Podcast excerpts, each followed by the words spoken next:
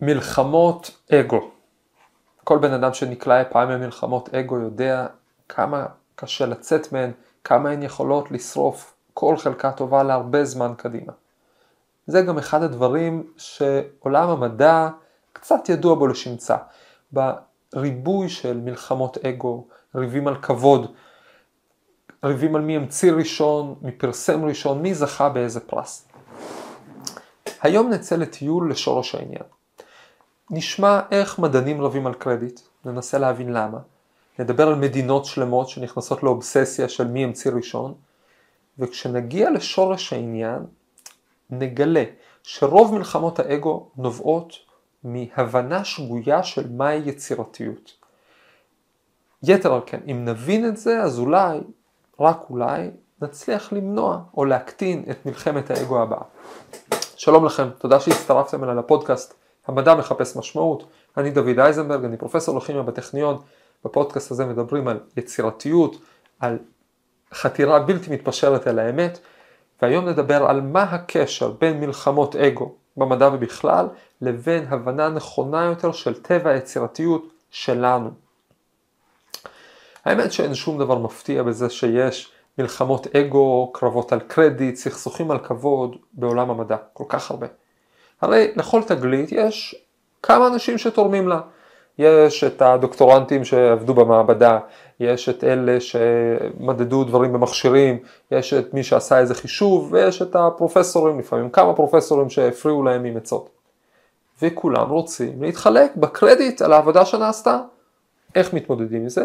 בגדול כרגע השיטה היא שכותבים על המאמר את שמות המחברים, ושמות המחברים מייצגים את בעצם שמות אלה שתרמו לתגלית המדווחת. כל משתתף במאמר, כל כותב בעצם, יכול להזכיר את המאמר בקורות החיים שלו, לקבל עליו את נקודות הקרדיט שהוא צריך בשביל הפרנסה, בשביל הקידום, בשביל בניית המוניטין, שתאפשר לו אה, אה, גם להתקבל אחר כך למקומות חדשים, אם הוא מדען, לזכות להערכה ורצינות ביחס כשהוא שולח את המאמר הבא שלו לפרסום או את, הבקש, בקשת המענק הבאה שלו למימון. אבל כשמסתכלים על אותה רשימת כותבים ארוכה שמופיעה בראש המאמר, קשה להכריע מי מהם תרם יותר. איך מחלקים ביניהם את הקרדיט? איך קובעים מי אה, תרם יותר או פחות? יש בזה קצת מוסכמות, אבל בגדול הנושא די מעורפל.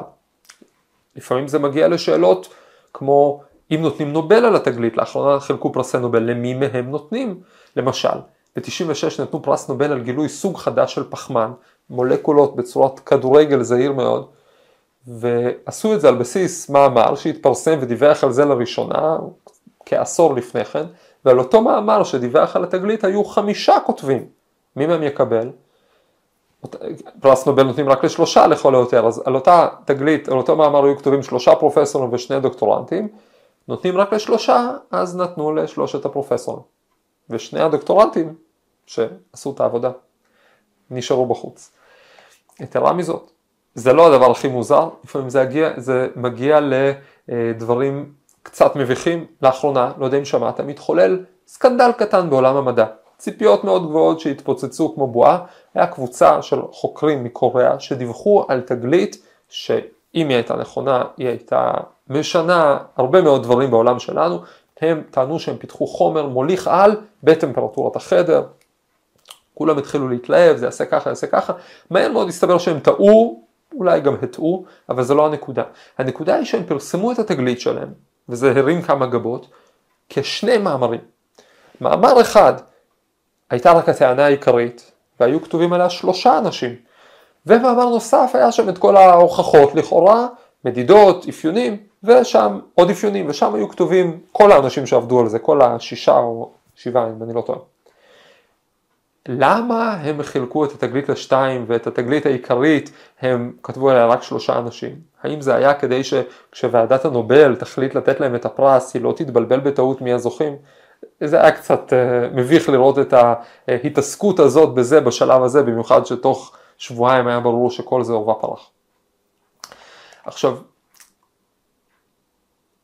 מעבר לרדיפה אחרי פרסים או ניסיונות להבין את הקרדיט, אותן מלחמות כבוד סביב מי יקבל את, ה, אה, אה, את הקרדיט על מה שהתגלה, מייצרות עבירות אתיות, מייצרות סוגים שונים של, אה, אפשר להגיד פשעים שאנשים עושים, או לפחות עבירות שאנשים עושים. השתיים הידועות ביותר שמתרחשות בהיקפים עצומים זה כותבי רפאים וכותבים אורחים, ככה זה נקרא. הנה סיפור מזעזע ואמיתי שקרה לחבר שלי באקדמיה, לא חבר שלי בקטע של אני, אלא באמת חבר, הוא רק ביקש להישאר בעילום שם. הוא סיפר ככה, הוא סיפר שבמהלך הפוסט דוקטורט שלו בחוץ לארץ, הוא עזר לדוקטורנט מקבוצה אחרת עם המחקר שלו. נחמד? ככה עוזרים אחד לשני במדע. הוא גם סינתז בשבילו, הכין בשבילו איזשהו חומר חדש, וגם פתר לו איזשהו, הציע לו איזשהו רעיון למדידה יפה שממש סגרה לו פינה. אותו דוקטורנט אמר לו, טוב, תודה על העזרה, אני יותר לא עובד על זה, ולכן חבר שלי היה מאוד מופתע לגלות אחרי חודשיים את המאמר מתפרסם עם החומר שהוא סינתז, עם העצה שהוא נתן, עם הפתרון שהוא נתן, רק אה, בלי השם שלו למעלה. חבר שלי קצת לא ידע מה לעשות, שורה תחתונה, הוא הלך לפרופסור של אותו דוקטורנט ואמר לו, תראה, זה אני עשיתי ולא כתבתם, מה אתה אומר? ואותו פרופסור דווקא הסכים איתו, והוא אמר לו, עכשיו קודם כל אני רוצה להגיד שמה שנעשה פה זה עבירה אתית חמורה, כן, לא לתת קרדיט למישהו שמגיע לו וזה נקרא כותבי רפאים, Ghost Co-Authors, אנשים שמגיע להם קרדיט ולא לא מקבלים אותו. אז אותו פרופסור אמר, אתה צודק, אנחנו נפצה אותך. בשלושת המאמרים הבאים שאני מוציא בקבוצה, אני אכתוב את השם שלך גם כן. עכשיו, מבחינה מוסרית זה אפילו עוד יותר גרוע ממה שהם עשו לפני כן. זו עבירה אתית שנקראת guest co-authors, במילים, guest co-authors, במילים אחרות, לשים אנשים שלא תרמו, לכתוב אותם על המאמר, כאילו זה כרטיס יום הולדת שכולם חותמים למטה, אז יאללה בוא נכתוב עוד מישהו, למרות שהוא לא תרם באמת. בדרך כלל כותבים, עושים את זה בשביל לקבל כל מיני טובות הנאה. יש אפילו מין רשתות כאלה, קבוצות של אנשים לפעמים במעבדה מסוימת שמחליטים, אני אכתוב אותך על כל המאמרים שלי, אתה תכתוב אותי על כל המאמרים שלך. לא בצדק, אלא פשוט בשביל לעזור לשנינו להעלות את מספר המאמרים שאנחנו מוצאים. זה אסור לעשות, אבל שתי העבירות האלה, במילים אחרות הפרופסור הזה הציע לו לפצות אותו לעבירה מהסוג הראשון על ידי שלוש עבירות מהסוג השני. כל הכבוד, פתרון אתי ביותר.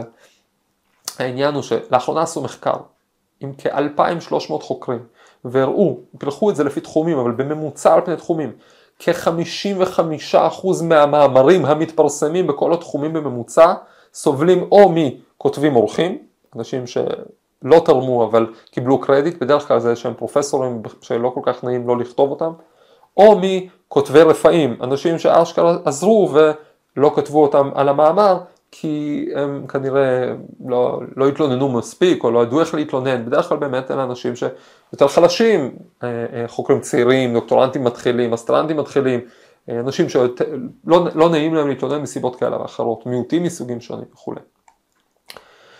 עכשיו, כל מה שראינו עד עכשיו אלה מאבקי קרדיט אישיים ואני בטוח שכל מי שעובד עם בני אדם ראה דברים כאלה, לא צריך להיות מדען בשביל לראות אנשים שמתחרים על קרדיט על, על uh, דברים שהם עשו ולפעמים לא הם עשו ולפעמים מישהו אחר עשה ורק שכחנו להזכיר אותו וכולי.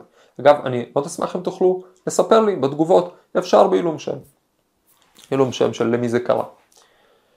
אבל כשזה קורה ברמה הלאומית, זה נעשה לדעתי עוד יותר מצחיק. אחת הדוגמאות הכי משעשעות לעניין הזה, היא הדוגמה, אני קורא לזה הסובייטים נגד העולם. הנה חידה. מי המציא את ה... את המה? לא משנה את מה. אם אתה רוסי, אז אתה יודע שרוסי המציא את ה... זה יכול להיות הטלפון רוסי, הרדיו רוסי, טלוויזיה רוסי, מצנח רוסי. מערכת החינוך הסובייטית היה קריטי שתזכור, את כל הדברים האלה המציאו רוסים, אולי גם את כל הדברים בעולם. זה ממש קטע. זאת אומרת, למשל, מי המציא את הרדיו? בכל העולם יודעים, את הרדיו המציא גיימו מרקוני בשנת 1896, אבל אם אתם ברוסיה, אתם יודעים שאת הרדיו המציא אלכסנדר פפוב שלושה חודשים לפני מרקוני. הוא הדגים את הרדיו הראשון. עכשיו, מי באמת הדגים את הרדיו הראשון? זאת שאלה, קצת שאלה שפנויה באיך אתם מגדירים רדיו. הוא, אה, אה, פפוב באמת המציא בין המתקן שמעביר אותות, לא קול. אבל אותם שלושה חודשים שבהם הוא לכאורה הקדים את מרקוני, הם שלושה חודשים שלא מתועדים בשום מקום. אין שום מסמך רשמי שמראה שפופוב באמת הקדים אותו בשלושה חודשים, לעומת זאת מרקוני בתאריך שהוא עשה את זה הגיש פטנט רשמי אה, באיטליה. עכשיו, לא משנה, הרוסים עדיין חוגגים את יום הרדיו כל שנה לזכרו של פופוב והס מלהזכיר את מרקוני. או למשל, מי הטיס את הטיסה המאוישת הראשונה? לפי המערב, האחים רייט טסו 36 מטרים, כ-12 שניות, אבל הרוסים אומרים, אלכסנדר מוז'ייסקי הקדים אותם ב-20 שנה. אין שום תיעוד רשמי של הטיסה הזאת, יתרה מזאת, הדבר היחיד שיש לנו זה עדויות של אנשים שגם עברו יד שנייה, אומרים שהוא המריא והתרסק. אבל זה לא משנה, זה לא המערב, זה אצלנו הרוסים, ככה הם אומרים.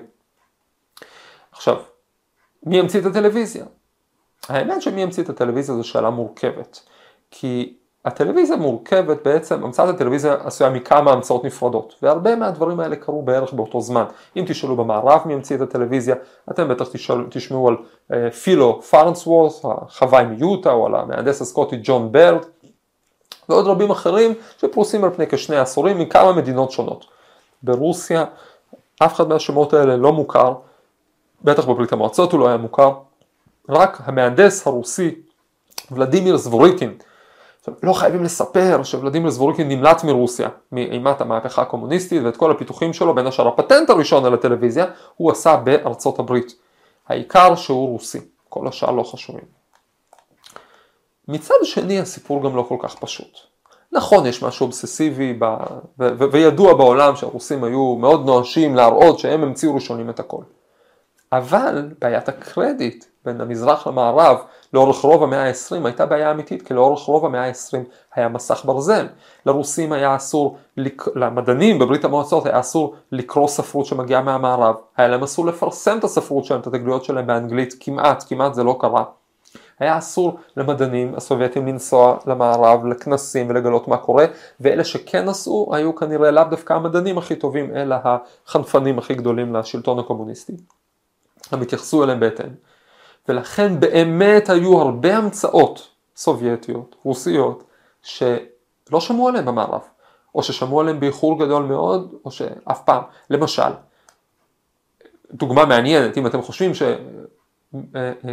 שהטלפון אה, אה, הנייד הומצא במוטורולה בתחילת שנות ה-70, אז אתם תופתעו לגלות שעוד בסוף שנות ה-50 מהנדס רוסי בשם לאוניד קופריאנוביץ' הציע אתה רשם פטנט, פיתח מוצר, טלפון נייד, עוד לפני מוטורולה הטלפון הנייד שלהם הגיע לגודל של יד, יש פה תמונה מעניינת, והם פיתחו את זה, זה פשוט היה מאוד סודי וצבאי, אבל הם פיתחו את זה לרמה של רשתות משותפות סלולריות, אה, אה, וזה היה כמובן הרבה הרבה לפני מוטורולה.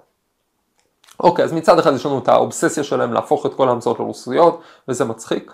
אה, מצד שני, היה באמת בעיות של קרדיט, אבל הרשימה של הרוסים עם ההמצאות הולכת ונמשכת, את הטלפון לא המציא אלכסנדר גרם בל, אלא פאבל גלוביצקי, את הנורה לא המציא תומאס אדיסון, אלא אלכסנדר לודיגין. רגע, רגע, רגע. את הנורה לא המציא תומאס אדיסון, פתאום עם תומאס אדיסון אנחנו צריכים לעצור בחריקת בלמים. כי השאלה מי המציא את הנורה זאת שאלה מאוד מאוד מורכבת. מי באמת המציא את הנורה? את מה שאנחנו קוראים נורת הלהט. קל מאוד להגיד אדיסון, אולי זה הדבר שבשבילו הוא הכי ידוע, והוא היה ממציא פורה ביותר, למעלה מאלף פטנטים במותו, אבל מסתבר שהמבנה הראשוני של הנורה והעיקרון הראשוני של נורת להט שמאירה בוואקום קיים עשרות שנים, ולפי חלק מהשיטות 150 שנה לפני שאדיסון התחיל בכלל להתעסק בזה. זה היה קיים הרבה לפניו. פשוט אלה היו נורות שהיו יותר הדגמה של עיקרון פיזיקלי, הם עבדו זמן קצר והיו מאוד יקרות לייצור ולהפעלה. לעומת זאת אדיסון לקח את הדברים הקודמים והחליט שהוא הולך לעשות הכל כדי שזה יעבוד. הוא פיתח את כל הדברים, את השיטה של הייצור של הזכוכית, את איך מבריגים אותה בשביל לחבר אותה למשהו אחר, עד היום זה קיים הבורג מלמטה של הנורות. הוא פיתח שיטות יותר טובות בשביל לשאוב ואקום מתוך זכוכית.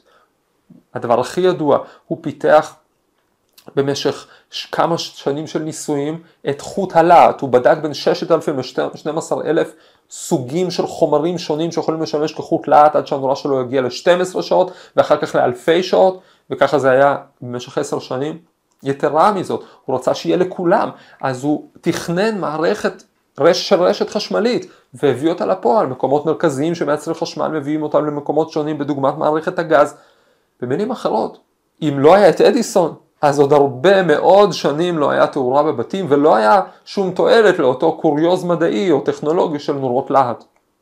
אפשר לדבר על זה שאדיסון אפילו לא היה ראשון, לא היה היחיד, היה לו צוות שלם של חוקרים במנלו פארק. אז מי אבי ההמצאה? מי שהגה ראשון את הרעיון, שלא ממש עבד, או מי שלקח רעיונות, לא שלו, אבל שלא עבדו, והביא אותם לכל בית. אדיסון לא המציא את הקונספט, גם לא כתב את הפטנט הראשון על נורת להט, אבל בלעדיו לא הייתה תאורה חשמלית בזמנו. לכן כולם חושבים שהוא ממציא הנורה, גם בצדק וגם שלא בצדק. כי אם נטען שהממציא האמיתי הוא אבי הקונספט, אז אפשר להגיד שלאונרדו דה וינצ'י מהמאה ה-15 הוא אבי הקונספט של מטוס, מסוק, טנק ועוד הרבה מאוד דברים שהוא באמת צייר במחברות שלו, הוא לא בנה אותם אבל אולי הוא אבי הקונספט, אולי הוא הממציא האמיתי. פתאום אנחנו מבינים שהעולם מורכב. אמרתי לכם שזה טיול, נכון? כי בהתחלה הסיפור היה מצחיק, איך מדענים רבים אחד עם השני על הקרדיט וחומדים את פרס הנובל, איך מדינות נהיות אובססיביות לזהות שזה שלהם. אבל פתאום הבנו שאנחנו, ש, שהבעיה בחלוקת קרדיט היא חלק מבעיה גדולה יותר. זו בעיה להגדיר מהי המצאה. מתי היא מתחילה? מהציור הראשון? מתי היא נגמרת? במאמר הראשון? או בפטנט הראשון? או במוצר הראשון, או ברגע שהמוצר הזה הגיע לכל האנשים, יצא מהאולם מה, הייצור או מהמוזיאון והגיע לכולם. וזה מקשר אותנו לבעיה גדולה יותר וחשובה יותר, גם לחיים שלנו באופן מעשי, להגדיר מהי יצירתיות. כפי שדיברתי בהרחבה בפרק 41, חייבים לעבור מלדבר על יצירתיות במובנה הצר של רגע ההברקה הבודדת, של הממציא הבודד, ולדבר על היצירה השלמה, על כל חלקיה.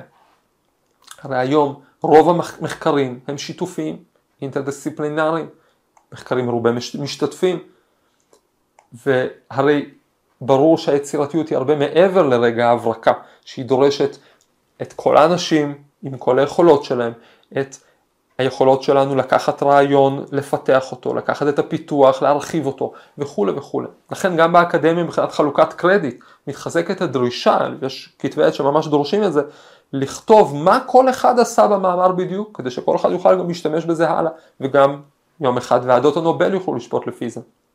אגב, זה אחת הסיבות הפנימיות שיהודים מתפללים במניין. יש כל אחד נעשה מתוקן מחברו. מה זה מתוקן מחברו? התיקון שלו, השלמות שלו זה עם חבר שלו לידו. הוא יביא כוח אחד לשולחן, אולי את כוח יצירתיות בצורת הברקה. אחד יביא כוח אחר לשולחן, אולי את, לקחת את ההברקה ולפתח איתה משהו. עשרה יהודים כנגד עשרת הכוחות שאנחנו מדברים עליהם בפודקאסט הזה. וזו התובנה, הקריטית שאנחנו יכולים לקחת מכל מאבקי הכבוד, מלחמות האגו, באקדמיה ובכלל. בעצם תובנה שיכולה לעזור לנו עצמנו להוציא את היצירתיות שלנו אל הפועל. כי יכול להיות שאנחנו נזהה שאנחנו טובים במיוחד במשהו אחד, ואולי פחות טובים בחלק אחר. ואז אנחנו צריכים לחפש שותפים, שותפים לדרך, בשביל להוציא את היצירה השלמה אל הפועל. ואז אולי יהיו גם קצת פחות קרבות אגו, אולי. כי נדע שאנחנו בונים יחד משהו גדול, שמצד אחד צריך אותי עם הכישרונות שלי, ומצד שני זה כנראה לא מספיק, אני חייב מישהו שישלים אותי וישלים איתי את היצירה הגדולה. בהצלחה.